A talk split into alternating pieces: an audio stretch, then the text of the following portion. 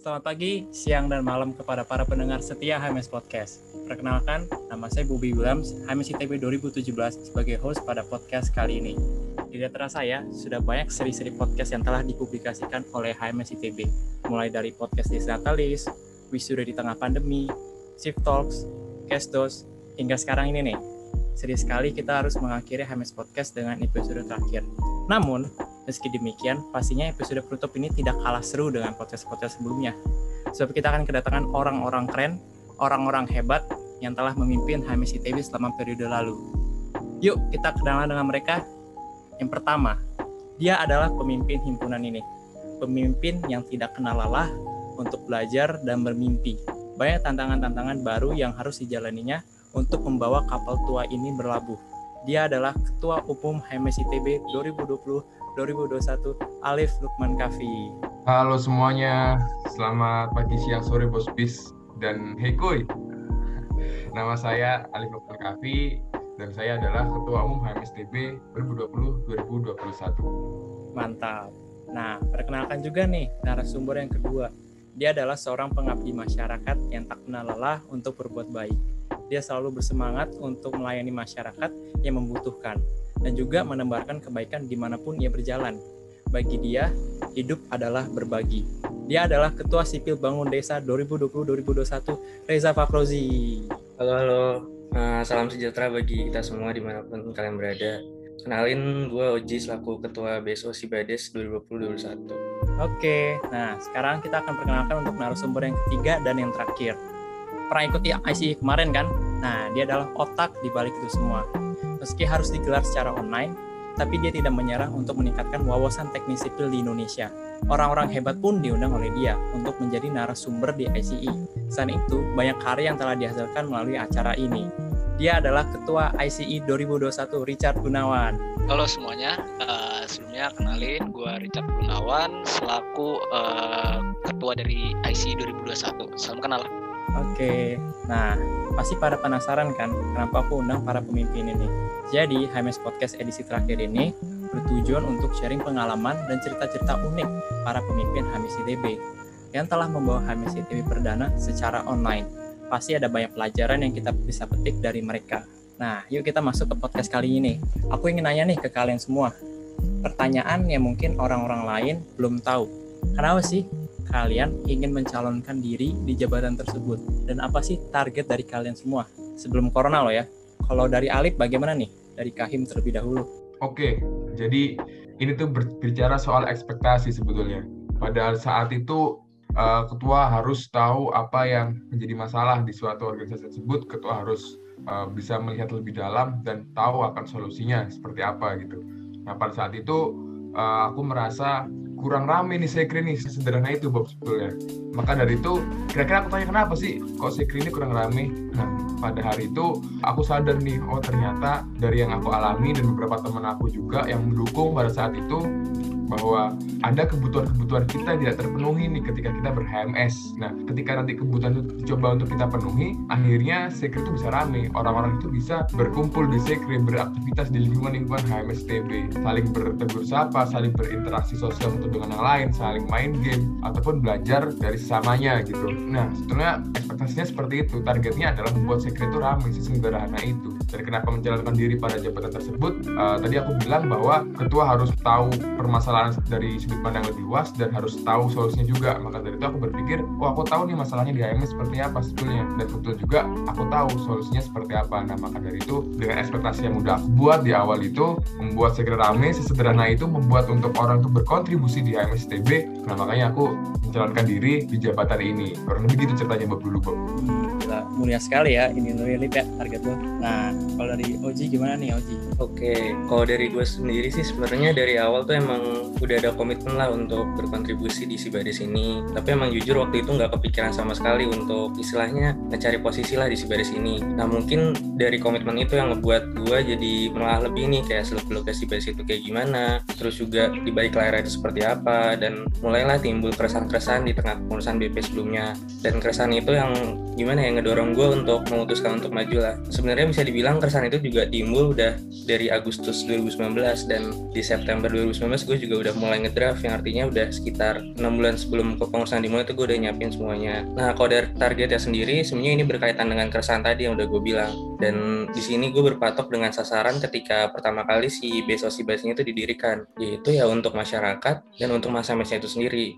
Dan di mana gue ini ngerasa masa MS itu tuh ngelihat si Bas itu cuma sekedar untuk masyarakat aja. Dengan ngebangun infrastruktur lah atau berbagi sesuatu lah. Tapi banyak masa MS nih yang nggak tahu kalau sebenarnya si Bas itu lebih dari itu. Yaitu juga menanamkan nilai-nilai kemasyarakatan ke masa MS-nya dan menurut gue pribadi sepenting itu untuk nanamin nilai-nilai kemasyarakatan ini. Jadi bisa dibilang gue nyimbangin dua hal inilah untuk masyarakat dan untuk masa masa juga. Gitu sih kok dari gue oh, thank you thank you Ji. Oh, gue baru tahu nih lu udah ngedraft nih dari enam bulan yang lalu nih. Lama banget berarti ya. Kalau dari Richard nih gimana nih di ICI oke uh, jadi uh, sebenarnya dari gue pribadi nggak ada kayak oke okay, gue pengen jadi ketua apa ketua apa kayak jadi gue berdasarkan dari mimpi gue sendiri sih sebenarnya. Jadi bisa dikatakan IC ini media gue untuk bisa menggapai mimpi itu sendiri sih. Jadi dasar gue mimpi gue research oh apa nih eh, tempat-tempat uh, atau posisi-posisi ataupun wadah-wadah lain yang mungkin nih uh, sesuai dengan uh, mimpi yang pengen gue wujudin seperti itu. Akhirnya setelah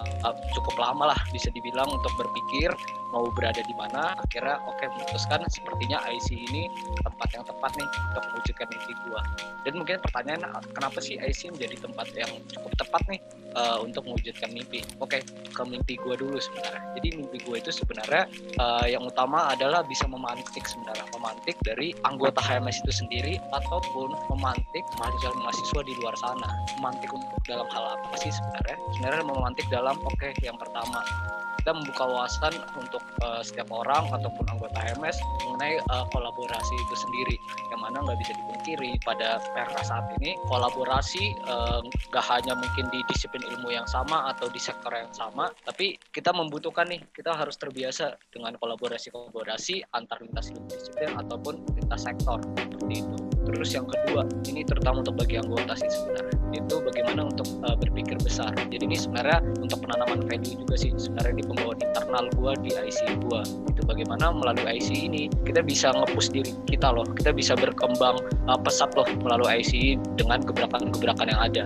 Jadi sebenarnya berdasarkan dasar itu akhirnya gue memutuskan oke okay, berarti ya gue harus di posisi ini di IC biar langsung bisa uh, menerapkannya. Seperti itu sih. Hmm Oke, thank you Chat. Jadi kayak kita bisa belajar banyak nih kayak dari Alif, juga dari Oji dan juga Richard di masing-masing organisasi mereka memimpin kayak mereka memiliki target masing-masing gitu. Nah, tapi kita tahu semua nih, tiba-tiba ada corona. Ya, kita tahu kalau seluruh pekerjaan dan kegiatan berubah drastis. Jadi daring semuanya, semuanya online dan semuanya tersendat gitu. Kira-kira dari kalian sendiri ada gak sih realita kalian yang tadi kalian jabarkan tadi yang tidak sesuai nih dengan target kalian atau bahkan nggak sesuai dengan ekspektasi? Kalau dari Alif gimana nih Alif? Oke, uh, ini luar biasa ya. Maksudnya pada hari itu kan kita sudah dilantik nih dalam kondisi uh, offline masih normal. Terus OTS masih normal, kemudian mau audiensi teman-teman departemen, Seninnya audiensi, hari Sabtunya paling ada surat edaran dari rektor untuk belajar secara daring. Wah, itu kan sesuatu yang luar biasa itu uh, pertama kita kaget terus uh, bingung gitu kan. Harus menghadapi kenyataan nih bahwa wah kita bakal jadi BP online gitu. Wah gue bakal jadi kahim online nih selama setahun. Dan dan akan seperti apa jadinya gitu kan. Dari sana sudah mengkhawatirkan kira-kira mimpi-mimpinya dulu akan bisa terwujud nggak ya dengan corona seperti ini? Dengan kita harus daring nih apakah bisa terwujud atau tidak gitu ya tentu kekhawatiran itu muncul terus akhirnya ketika kita jalani ya kita harus menghadapi kenyataan akhirnya merubah ekspektasi yang sudah kita buat di awal gitu. Kalau misalkan dulu kita pengen kerja praktek magang di Bandung supaya bisa nemenin Kuya Garapati Forkat untuk presentasi Katpas gitu ya. Nah akhirnya sekarang ada bentuk-bentuk lain dalam bentuk-bentuk pendampingan-pendampingan tersebut atau bagaimana interaksi sosial dijalankan akhirnya ada bentuk-bentuk lain. Kita harus merestrukturisasi ekspektasi. Nah itulah yang mungkin perlu pemahaman yang cukup lama gitu dari dari pertama kita kena corona sampai beberapa waktu selama kita menjadi badan pengurus gitu. Tentu ini pemahaman yang harus disampaikan juga kepada semua badan pengurus karena kita sudah tidak bisa memasang ekspektasi kita sesuai di awal gitu. Realitanya sudah berbeda. Hal-hal yang seperti barikade dan acara-acara lain di HMS yang biasanya kita meriah. Apalagi sekre yang tadi di awal sempat aku singgung bahwa aku pengen sekre rame gitu. Akhirnya ada suatu pergeseran ekspektasi yang awal dan kita memang harus menghadapi kenyataan bahwa BP ini bisa dikatakan BP online gitu. Dengan tanda kutip BP online angkatan pertama yang mana kita tidak pernah ada guideline, kita tidak ada pernah best practice yang digunakan untuk menjalankan himpunan di masa pandemi. Nah, itu yang harus akhirnya kita belajar sendiri, kita cari-cari sendiri, kita membentuk diri sendiri. Kurang lebih begitu, Bob. Nah, ribet juga ya Lip ya. Ternyata nggak cuma kayak pindah jadi platform doang, tapi ternyata semua yang di dalamnya berubah juga gitu ya. Semua departemen, semua tujuan-tujuan berubah juga, direstrukturisasi lagi untuk bisa memenuhi kebutuhan secara online gitu. Keren banget sih. Kalau dari Oji nih gimana nih di Sibades? Yang biasanya kan kita harus ke sana, tapi pada akhirnya jadi online. Gimana nih Ji? Oke, ya kalau dari gue pribadi sih intinya pas corona datang tuh ya kaget banget sih kayak, waduh ini gue udah nyiapin semuanya selama enam bulan masih ada yang bisa terrealisasikan nggak ya? Dan kalau ditanya realita yang nggak sesuai dengan target sih ya tentu aja yang tadi udah dibilang acara live in terus ngebangun infrastruktur itu uh, sangat disayangkan banget nih nggak bisa direalisasikan. Dan seperti yang kita tahu juga kayak uh, kunci dari sebuah kegiatan sosmas itu adalah interaksi gitu interaksi dengan masyarakat. Nah sekarang gimana nih caranya kalau kondisi interaksi itu tuh dibatasin dengan adanya kondisi pandemi ini? Jadi juga gimana ya sangat disayangkan ketika kegiatan-kegiatan interaksi ini nggak bisa direalisasikan. Apalagi menurut gue pribadi kegiatan interaksi itu adalah metode yang paling efektif untuk nanamin nilai-nilai masyarakatan yang udah jadi target gue sendiri. Jadi corona ini tuh udah gimana ya ngebuat kita semua tuh putar otak banget lah untuk tetap nanamin nilai-nilai kemasyarakatan ini gimana caranya. Itu sih kalau dari gue. Wah, mantap nih dari Oji. Kalau dari Richard gimana di ICE? Kayak uh, mengenai tiba-tiba ada corona ya. Sebenarnya untuk dasar gue sendiri uh, atau mimpi yang gue udah tadi jelaskan itu sebenarnya nggak terlalu berpengaruh ya sebenarnya tapi lebih ke arah atmosfer atau metode yang udah direncanakan pada awalnya kan sebelumnya udah dirancang lah untuk bagaimana ICE secara offline atau uh, yang seperti biasanya. Dengan target-target yang ada dengan ruang lingkup seperti apa ya akhirnya semuanya nggak bisa dilakukan. Benar-benar uh, dirombak semua. Lebih ke arah situ sih. Untuk mimpinya nggak terlalu. Itu lebih arah nanti outputnya aja. Tapi dengan ada corona ini mungkin hampir sama juga seperti Oji bahwa bagaimana nih kita bisa muter otak lagi dengan cara seperti apa biar apa yang pengen kita bawakan atau mungkin value-value yang pengen kita berikan itu tetap dapat berdampak gitu. Itu sih lebih ke arah situ susahnya sebenarnya. Dan juga mungkin kalau kita ngomong juga secara ekspektasi lain di IC seperti atmosfer-atmosfer yang biasa kita rasakan gitu. Misalkan uh, saat seminar ada di Albar saat ada kompetisi uh, dilakukan di TB conference di uh, ballroom hotel seperti itu sih. Tapi itu hanya sebagai oke okay, metode eksistensinya. Tapi secara esensi sih harusnya masih bisa dikejar. Seperti itu sih saat uh, corona datang. Wah, kita yang kejar. Nah, jadi sebagai informasi aja nih kepada para pendengar HMS Podcast yang di mendatang mungkin. Jadi HMS ini punya dua BSO, itu si Bades dan juga ICE. Dan biasanya yang kita tahu ya semua itu kan pasti harus terjadi di lapangan. Tapi karena corona semuanya online, kayak kita jadi nggak bisa lagi ke desanya di sana dan juga kita nggak bisa menggelar acara di TB. Tapi nanti kita akan bahas itu lebih lanjut di time berikutnya. Tapi sebelum itu, aku pengen nanya lagi nih tentang kesulitan dalam memimpin sebuah organisasi besar. Pasti isinya nggak happy-happy terus kan. Ada kalanya kita pusing, kita bingung. Nah, kalau dari Alip sendiri nih, sebagai ketua himpunan, bagaimana Alip kesulitan dalam memimpin HMS ITB? Iya, tentu emang benar-benar sebuah kesulitan begitu ya, karena tadi kita tidak ada best practice, kita tidak ada guideline, uh, kadang juga teknologi itu tidak selalu gampang diperkenalkan dan dibiasakan gitu kan, perlu banyak adaptasi yang perlu dilakukan gitu. Uh, tentu isinya bisa dibilang banyak sedihnya, tapi juga kadang kalau udah proker kita bisa bangga dengan apa yang sudah kita lakukan gitu kan. Kayak di pengurus, kita tuh sebetulnya pingin makrat dulu sebelum pengurusan jalan gitu kan main game atau sekedar kita ngedraft bareng gitu. Cuman akhirnya kan tidak bisa terlaksana karena ya lagi-lagi karena kondisi gitu. Nah akhirnya kesulitannya adalah gimana kita beradaptasi dengan teknologi tersebut itu pertama. Gimana kita tetap memaintain komunikasi antar uh, sesama badan pengurus ataupun uh, komunikasi antar anggota HMSTB itu sendiri. Karena kan selain itu kita juga punya angkatan, kita juga punya kelas. Ya, bagaimana kita bisa menghadapi kesulitan-kesulitan tersebut. Kemudian juga dalam menjalankan proker gitu ya kadang-kadang proker ini pesertanya jadi lebih banyak tapi apakah outcome-nya bisa tercapai dengan peserta yang banyak gitu kan. Karena memang kalau orangnya banyak dengan kondisi pandemi ini kan batasan ruang itu kan tidak ada gitu. Artinya kita tidak perlu harus datang ke himpunan kita datang ke ruang 3202 untuk proker gitu. Tapi kita dari rumah aja kita udah bisa. Tapi kan apakah, apakah itu terjamin? Penyampaiannya kepada masa atau yang mengikuti kan itu kan menjadi tantangan tersendiri. Akhirnya kadang-kadang uh, mungkin metodenya metodenya diganti atau jam pelaksanaan prokernya diganti seperti apa. Nah manajemen itu semua yang yang akhirnya menjadi sebuah kesulitan tersendiri di badan pengurus baik uh, manajemen waktunya atau manajemen sumber dayanya atau manajemen stres dari anggota-anggotanya ini itu yang menjadi salah satu kesulitan yang cukup dirasakan ketika uh, mengurus HMS ini dalam satu tahun ke belakang kurang lebih gitu Bob.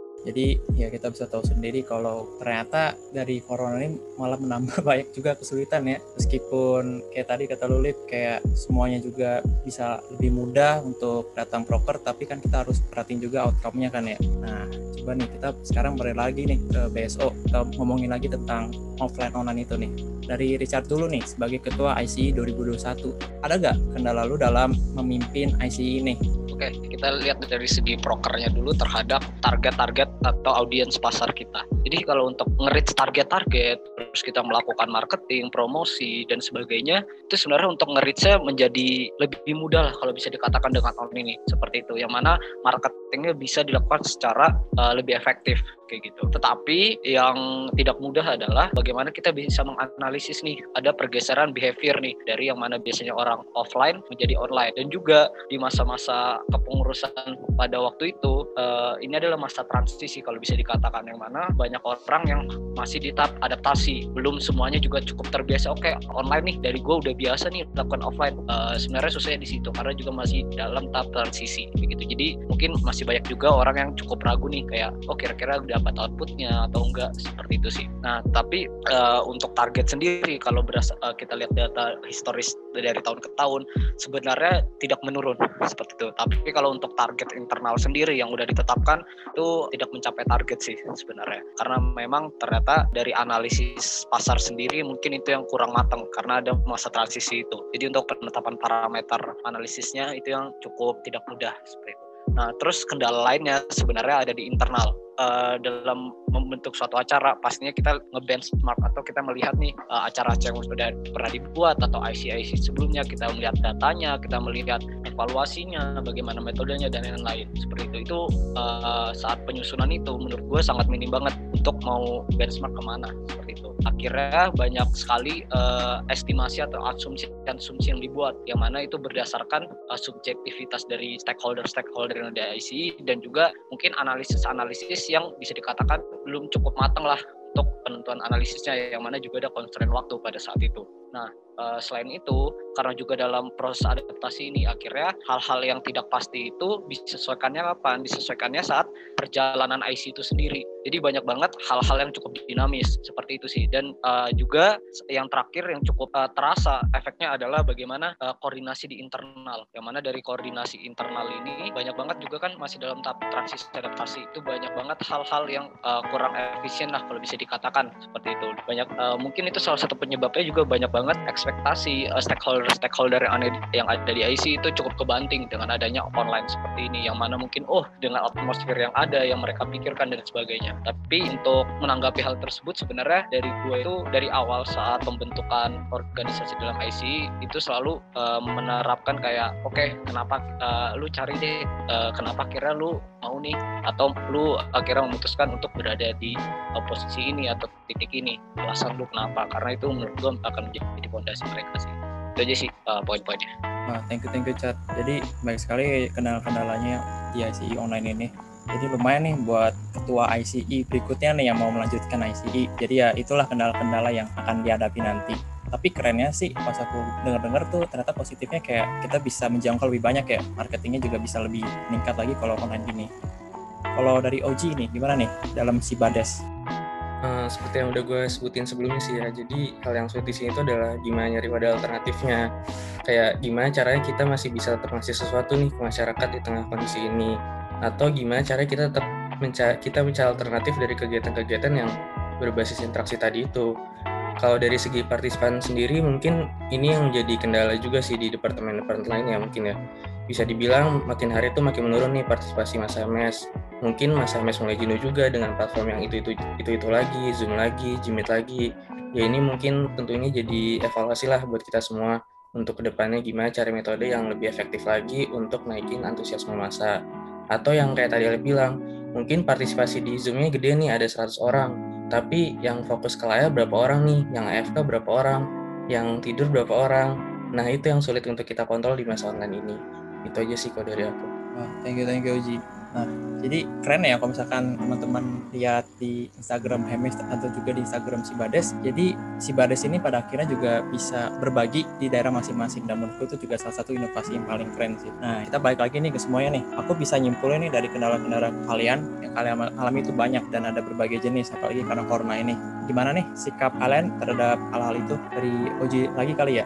Gimana sikap Uji menyikapi kendala-kendala tersebut? Oke, kalau dari gue pribadi mungkin lebih ke gimana cara kita bisa berpikir jauh ke depan sih akan kondisi yang akan datang. Ya sebenarnya juga sulit banget ditebak di kondisi pandemi ini. Nah dari ramalan-ramalan kondisi itu juga gimana kita ngejabarin plan-plannya nih apa aja. Ya intinya adaptif lah adaptif, terus berpikir jauh ke depan itu penting banget di kondisi pandemi ini. Dan juga ada satu hal yang nggak boleh dilupain yaitu tetap mempertimbangkan faktor regenerasi dari himpunan ini. Jadi gimana caranya si Ganapati ini, si Artemis ini meskipun mereka jadi staffnya online, tapi mereka tetap siap nih untuk misalnya menjadi pengurus di kondisi offline kayak gitu. Oke, oke. Kalau dari Alip gimana, Alip? Oke, terhadap sikap ini ya terkait dengan kondisi ini. Dari aku sendiri tetap memberikan pemahaman gitu sebetulnya ke teman-teman di badan pengurus juga bahwa ya sekarang kita ekspektasinya seperti ini. Uh, marilah kita bergerak secara online. Kita tidak bisa memandang-mandang hal lagi. Kita udah nggak, jangan pernah mikirin soal apa yang bisa kita lakukan di kondisi offline atau di kondisi, kondisi normal gitu. Nah, kemudian juga uh, mengingatkan kepada teman-teman untuk selalu belajar dari apa yang sudah dilakukan gitu apa-apa saja terkait proker-proker atau terkait bunker-bunker gitu kan. Nah ini apa yang bisa diperbaiki, apa yang bisa dikembangkan lagi ke depannya gitu. Karena aku juga bisa paham bahwa ketika kondisi corona gini, badan pengurus dan HMS secara keseluruhan tentu tidak bisa berkembang ketika kondisi normal gitu. Maka sedikit-sedikit pun perkembangan yang bisa kita lakukan, kalau bisa itu yang tetap dipertahankan dan itu tetap dijadikan suatu bahan cerita gitu ya. Kalau aku lebih sukanya menyebut cerita untuk diceritakan kepada calon-calon penerus kita nanti gitu. Walaupun kita mengalami kesulitan, kita mengalami kesalahan, kalau buat aku itu nggak ada masalah sama sekali dan lebih baiknya adalah kesalahan itu akan bisa kita ceritakan, akan bisa kita perbaiki di pengurusan kepengurusan selanjutnya. Karena aku memandangnya HMS berkembang bukan hanya dalam satu tahun, tapi dalam 5, 6, atau bahkan 10 tahun ke depan, HMS akan bisa lebih baik. Apalagi kalau misalkan kita ke depan ke depannya juga akan online, tentu perkembangan-perkembangan online secara ke depan akan lebih lebih gencar lagi atau lebih baik lagi daripada kita di tahun-tahun ini. Kurang lebih gitu sih. Wah, keren-keren. Jadi aku bisa simpulin nih kalau dari Oji dulu berarti dari adaptif, kalau Alif ini berarti belajar dan juga evaluasi dari program-program kerja yang kita miliki nih. Kalau dari Richard gimana, Chat? Oke, uh, sebenarnya kalau dari gue sendiri, sebenarnya ini sangat terbantu oleh se sebelum memang dari persiapkan, oh ternyata online, atau menyadari bahwa kita beneran kena pandemi gitu. Itu sebenarnya saat penyusunan stakeholder yang ada di ICE, sebenarnya gue berbicara lah satu-satu kepada uh, tiap stakeholder yang ada, calon lah kalau bisa dibilang, tiap calon ya. Tujuan tujuannya adalah bagaimana gue bisa menyatukan visi yang pengen gue bawa, visi yang juga pengen Alip sebagai ketua HMS ingin bawakan seperti apa, dan juga bagaimana gue bisa menggali uh, why atau alasan dari tiap stakeholder yang ada di ICE. Sebenarnya terbantu oleh situ sih. Dari obrolan-obrolan tersebut, dari situ gue bisa menggali sebenarnya tiap stakeholder yang ada di ICE ini seperti apa sih, apa sih yang pengen mereka cari, apa sih yang pengen mereka berikan atau mereka beri dampak seperti itu. Di sisi lain, di sini gue juga uh, menyatukan visi. Akhirnya dari sini setiap orang mempunyai visi yang sama nih tentang saat menjalankan ICE. Di samping uh, mereka juga pasti punya why tertentu lah, yang mana itu tentu saja dikombin dengan visi yang ada, yang udah dibawa. Nah saat kena online, uh, tadi gue udah sempat bilang, oke okay, banyak yang ekspektasi yang kebanting dan sebagainya. Oke okay, apa yang gue lakukan sebenarnya gue munculin lagi nih tadi visi-visi yang udah pernah uh, kita obrolin, terus uh, alasan-alasan dari tiap orang yang pernah diucapkan dan sebagainya. Dari situ sebenarnya menjadi bahan bakar sih untuk IC itu sendiri dari tiap orang yang ada di ICE. Jadi akhirnya saat memang mereka di tengah jalan cukup kebanting atau cukup oke okay, gue lelah nih dengan online gini atau oh gue lelah nih dengan kerjaan uh, yang banyak dengan uh, harus bagi dengan akademik dan lain-lainnya. Karena gue berpicu dari situ lagi sebenarnya. Itu bakal menjadi fondasi tiap orang gitu yang ada di ICE dan juga jadi bahan bakar karena kita uh, menuju satu visi yang sama walaupun oke okay, metodenya kita udah berbeda kita udah di cara kerja yang cukup berbeda dengan uh, behavior kita biasanya seperti itu. Jadi lebih ke arah situ sih. Nah untuk uh, hal yang cukup teknisnya itu kan uh, cukup esensial tapi kalau untuk cukup teknisnya adalah bagaimana dari IC ini sendiri bisa menganalisis yang lebih dalam. Dalam artian nggak bisa dipungkiri bahwa IC ini memerlukan audiens seperti itu. Karena memang target pasarnya ke arah situ nah bagaimana uh, kita mengetahui nih dari perilaku perilaku audiens ini gitu bagaimana kita bisa mempelajarinya akhirnya kita bisa tepat sasaran dan juga tujuan-tujuan yang ada di IC akhirnya tercapai seperti itu sih Ya, ya, berarti baik lagi ke why-nya ya, berarti baik lagi ke visinya. Jadi biar bisa jadi bahan bakar untuk ICI tetap maju gitu di Corona ini. Nah, sekarang kita mulai masuk nih ke personal-personal nih. Jujur-jujuran nih, jangan bohong ya. Kira-kira dari Alif dulu sebagai Kahim HMSITB. Puas gak sih selama mengurus HMSITB 2020-2021? Atau nggak puas nih? Gimana, Lip? Oke, kalau bicara soal kepuasan ini kalau buat aku sebetulnya kita bisa cek dari dua hal ya. Yang pertama adalah mungkin dari parameter keberhasilan uh, di badan pengurus begitu. Dan kalau misalkan aku lihat parameter keberhasilannya menunjukkan angka-angka yang cukup tinggi. Artinya bisa dikatakan sebetulnya badan pengurus juga berhasil menjalankan program-programnya, berhasil dalam memenuhi kebutuhan-kebutuhan uh, anggotanya gitu. Nah, tapi kalau berbicara soal kepuasan tentu berubah ekspektasinya apa-apa yang diharapkan itu jelas tidak bisa terwujudkan dan sebetulnya juga masih banyak yang bisa dilakukan untuk menuju ke sana cuman karena ya kita sadar bahwa ada concern waktu ada concern uh, akademik dan lain sebagainya akhirnya uh, tidak bisa melanjutkan mimpi-mimpi tersebut gitu jadi kalau dibilang puas atau tidak puas mungkin uh, jawabanku lebih ke masih banyak yang bisa dikerjakan. Masih banyak sisa-sisa mimpi masih banyak sisa-sisa harapan-harapan di HMS TV itu aja mungkin ya nah, thank you thank you Lip. Kalau dari Richard gimana Cato KSI 2021 nih puas gak? oke. Okay. untuk merasa puas sih sejujurnya enggak jujur aja nggak puas. Kenapa? Karena memang dari mimpi itu sendiri sebenarnya bisa dikatakan nggak bisa dicapai lah dengan selama 10 uh, satu tahun kepengurusan. Seperti masih banyak hal dalam berbagai aspek yang belum bisa mencapai hal tersebut dari mimpi-mimpi gue sendiri ataupun dari visinya IC sendiri seperti itu. Yang mana menurut gue itu mungkin bakal bisa dijawab kalau memang ini terus dilakukan. Dalam artian uh, dilakukan gak hanya di ICI tapi memang mungkin dalam ruang lingkup AMS terus mengusahakannya seperti itu. Karena dengan uh, satu dua tahun kepengurusan menurut gue nggak akan cukup seperti itu. Banyak sekali hal-hal yang masih belum bisa dicapai dengan maksimal. Seperti itu masih banyak kesalahan yang dilakukan dan sebagainya. Yang mana tadi juga Alip udah sebutkan bahwa kita juga ada konstrain-konstrain lah saat menjalani urusan ini. Seperti itu. Selain itu juga dari yang buat gue nggak puas sebenarnya adalah bagaimana sih gue bisa menerapkan mimpi gue itu sendiri sih saat kepengurusan gue masih banyak hal lah yang menurut gue bisa dikatakan kurang banget seperti itu. Entah itu juga karena ada dari uh, masa transisi untuk kita beradaptasi dan sebagainya seperti itu sih yang kecat kalau dari Oji gimana untuk si Bades kira-kira puas gak Ji? Oke, kalau dibandingin sama kondisi normal atau ekspektasi awal sih tentunya ya nggak puas sama sekali ya karena banyak banget yang nggak bisa terrealisasikan. Tapi kalau fokus dengan kondisi pandemi ini, jujur sih dari gue pribadi udah puas banget dengan lihat gimana gue dan anak-anak si Bades lainnya berjuang mati-matian nih untuk putar otak biar si Bades bisa berdampak nih buat masyarakat dan juga untuk masyarakat sendiri. Tapi tetap aja nih ada sisi nggak puasnya dari metode-metode yang dibawa kayak gimana dirasa masih bisa lebih baik lagi. Dari proker-prokernya juga dirasa masih bisa baik lagi. Dari sisi pasti-pastinya juga dirasa masih bisa baik lagi. Itu sih tetap aja ada sisi di mana beberapa itu nggak puas gitu sih thank you Ci. Jadi aku bisa nyimpulin dari mereka bertiga kalau banyak hal yang masih bisa dievaluasi dan juga ini tetap harus kontinu lah ya sampai pada akhirnya itu semua terpenuhi. Nah kembali lagi nih ke personal-personal. Pernah nggak sih kalian misal mikir kayak ah tahun ini gue nggak ambil jabatan ini.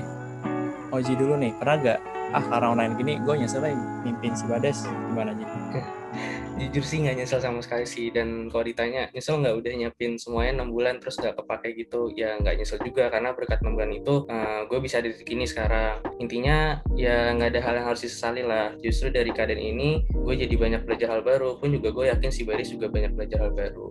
Itu ya sih. Wah keren keren. Kalau dari Richard gimana Chat?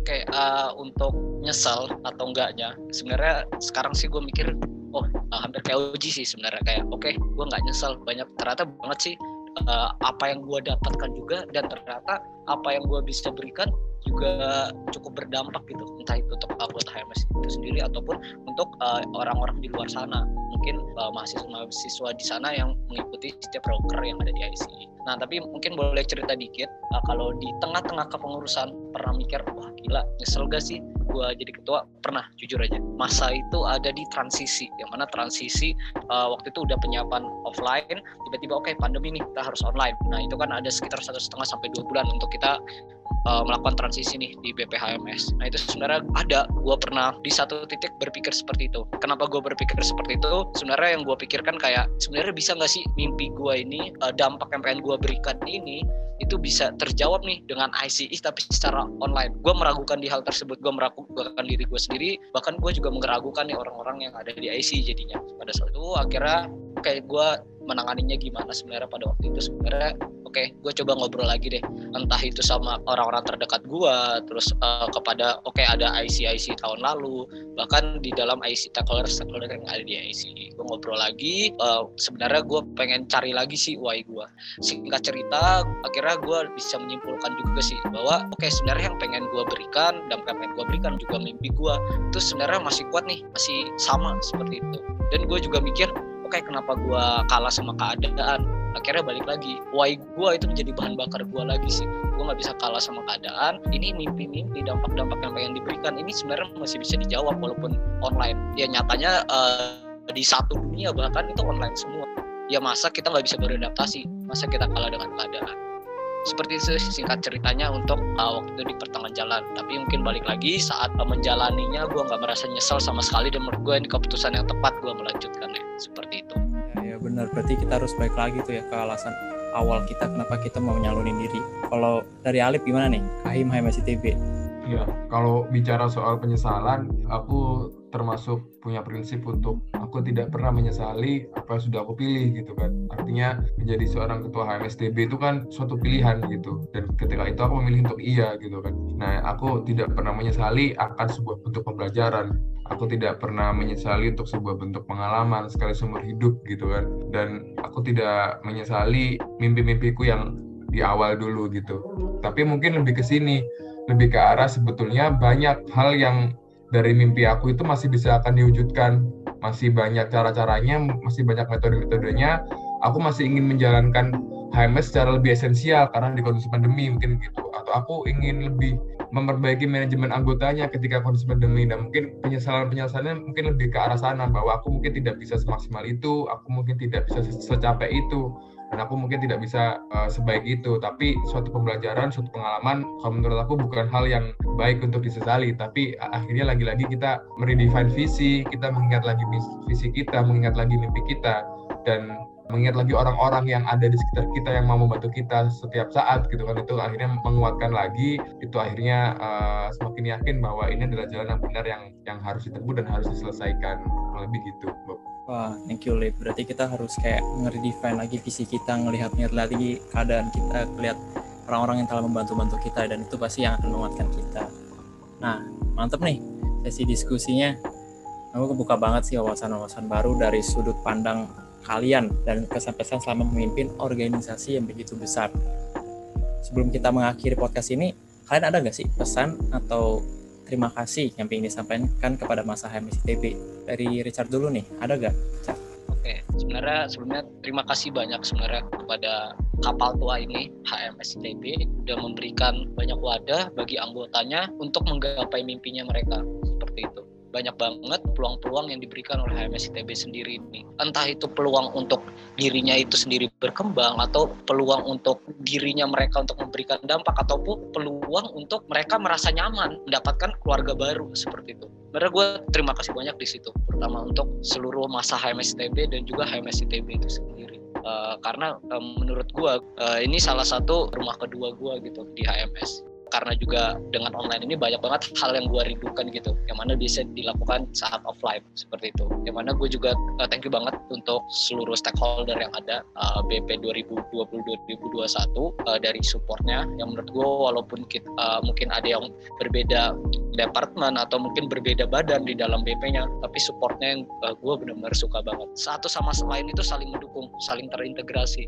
Dan juga mungkin untuk pesan sendiri sih terutama mungkin untuk kepengurusan selanjutnya ataupun kepada siapa pun yang mendengarkan ini bahwa saat kita memulai sesuatu jangan lupa harus ada dasarnya. Uh, ada baiknya kita mencari tahu nih why kita kenapa kita berada di suatu tempat sebelum kita menjalankannya. Karena saat kita tidak ada dasar itu sendiri kita bakalan hilang arah lah di tengah jalan. Apalagi kalau terdapat suatu kendala. Karena bisa dikatakan hidup itu dinamis gitu. Nggak 100% ekspektasi kita bakal terwujud seperti itu dengan adanya dasar itu sendiri itu bisa menjadi bahan bakar kita lagi lah. Bagaimana kita bisa mewujudkan why kita itu alasan kita itu sendiri. Itu sih sebenarnya salah satu menurut gue hal yang cukup krusial lah dalam kita menjalankan sesuatu. Gak hanya dalam konteks kita jadi BP aja tapi di mana pun. Entah itu alasan kalian oh kenapa gue masuk ITB kenapa gue memutuskan gue kuliah? Sebenarnya harusnya ada dasar-dasar yang baik seperti itu. Karena tanpa ada itu menurut gue itu bakal lepas arah. Atau enggak saat menjalankannya pun kita bisa aja. Jadinya nggak dapat apa-apa. Itu sih itu aja dari gue wah thank you thank you chat kalau dari Oji ada gaji Oke, kalau dari gue sih sedikit aja sih. Intinya, makasih lah untuk seluruh masa HMS atas segala partisipasinya setahun ke belakang ini. Yang udah ngeramain acara-acara HMS, acara Sibades, acara-acara ICI. Semoga dari setahun ke belakang ini, masa HMS bisa banyak belajar hal baru lah dari kondisi pandemi juga. Dan tentunya ngebuat HMS ini jadi lebih baik lagi lah ke depannya. Dan juga semoga ke depannya HMS bisa makin berdampak nih, baik bagi KMITB ataupun masyarakat luas. Intinya gimana pun caranya, meskipun kondisinya offline atau online itu tuh kita tetap gimana ya tetap bisa berdampak besar lah bagi orang-orang bagi masyarakat intinya semangat nomor satu Wih, mantap Oji. Kalau dari Alif gimana Alif? Iya, tentu ini ya. Yang pertama berterima kasih dulu kepada masa HMS atas segala uh, kesempatan yang diberikan kepada kami, atas semua kepercayaannya, dan atas selalu hadir sebagai kontribusi-kontribusinya di HMS. Tentu terima kasih banyak atas hal-hal tersebut yang telah diberikan kepada kami. Dan tentu buat aku pemimpin adalah jalan penderitaan gitu kan. Menjadi ketua himpunan adalah mencoba menjadi manusia super, belajar menjadi pemimpin, manajer, dan hero di suatu momen yang bersamaan. Menjadi seorang manusia yang tegas dan lembut di saat yang sama, gitu. Dan tidak pernah lelah untuk menggapai mimpi yang diangan-angankan. Nah, uh, buat aku sebetulnya HMS akan selalu menjadi ruang untuk kita berkontribusi. Lagi-lagi HMS ITB adalah anggotanya, maka anggota HMS ITB lah yang akan mengisi hari-hari di HMS. Anggota lah yang akan selalu menjadi cerita-cerita baru di HMS. Isilah hari-hari kita dengan bercerita, berdiskusi, membentuk sejarah di HMS. Dan buat aku juga HMS akan menjadi selalu keluarga. HMS ku selalu menjadi keluarga aku. Ya selainnya sebuah keluarga, HMS selalu menjadi tempat untuk kita bercerita, berkeluh kesah, menjalin kawan, bertukar pikiran, dan banyak hal lagi yang bisa kita lakukan sebagai uh, sebuah keluarga. Untuk orang-orang yang telah memantapkan hati untuk melanjutkan himpunan ini, aku sangat kagum terhadap kalian. Aku percaya bahwa uh, himpunan ini akan menjadi lebih baik lagi ke depannya. Kalau misalkan kita lihat baik tidaknya himpunan, pesanku hanya jangan dilihat satu dua tahun kepengurusan, tapi lanjutkan hal tersebut. Kita bisa melihat suatu perkembangan dari himpunan itu dalam kurun waktu mungkin 5, 6, atau 10 tahun uh, ke depan seperti yang sudah pernah aku sampaikan tadi. Dan tentu semoga HMS ini selalu menjadi tempat untuk pulang, selalu HMS menjadi tempat untuk uh, bercerita, HMS selalu menjadi tempat untuk di mana anggotanya selalu berada memperjuangkan himpunan ini. Dan pesanku terakhir, jangan pernah lelah untuk belajar, belajar, belajar untuk HMSTB yang lebih baik. Kurang lebih gitu. Wah, thank you Lip. Jadi itulah pesan-pesan dari para pemimpin HMS ITB dari Richard, Oji, sampai Alif. Ya, tidak sangka kita sudah berada di penghujung HMS Podcast. Seru sekali kita bisa berbincang bersama orang-orang hebat yang telah memimpin HMS ITB, Sibades, dan juga ICI selama periode ini. Semoga nggak hanya aku aja yang mendapatkan banyak pelajaran, tapi dari kalian semua, para pendengar HMS Podcast, terkhususnya nih yang mau maju memimpin kapal tua ini. Saya Bobby Williams, HMS 2017, sekaligus host HMS Podcast. Izin pamit undur diri. Mohon maaf atas kesalahan saya.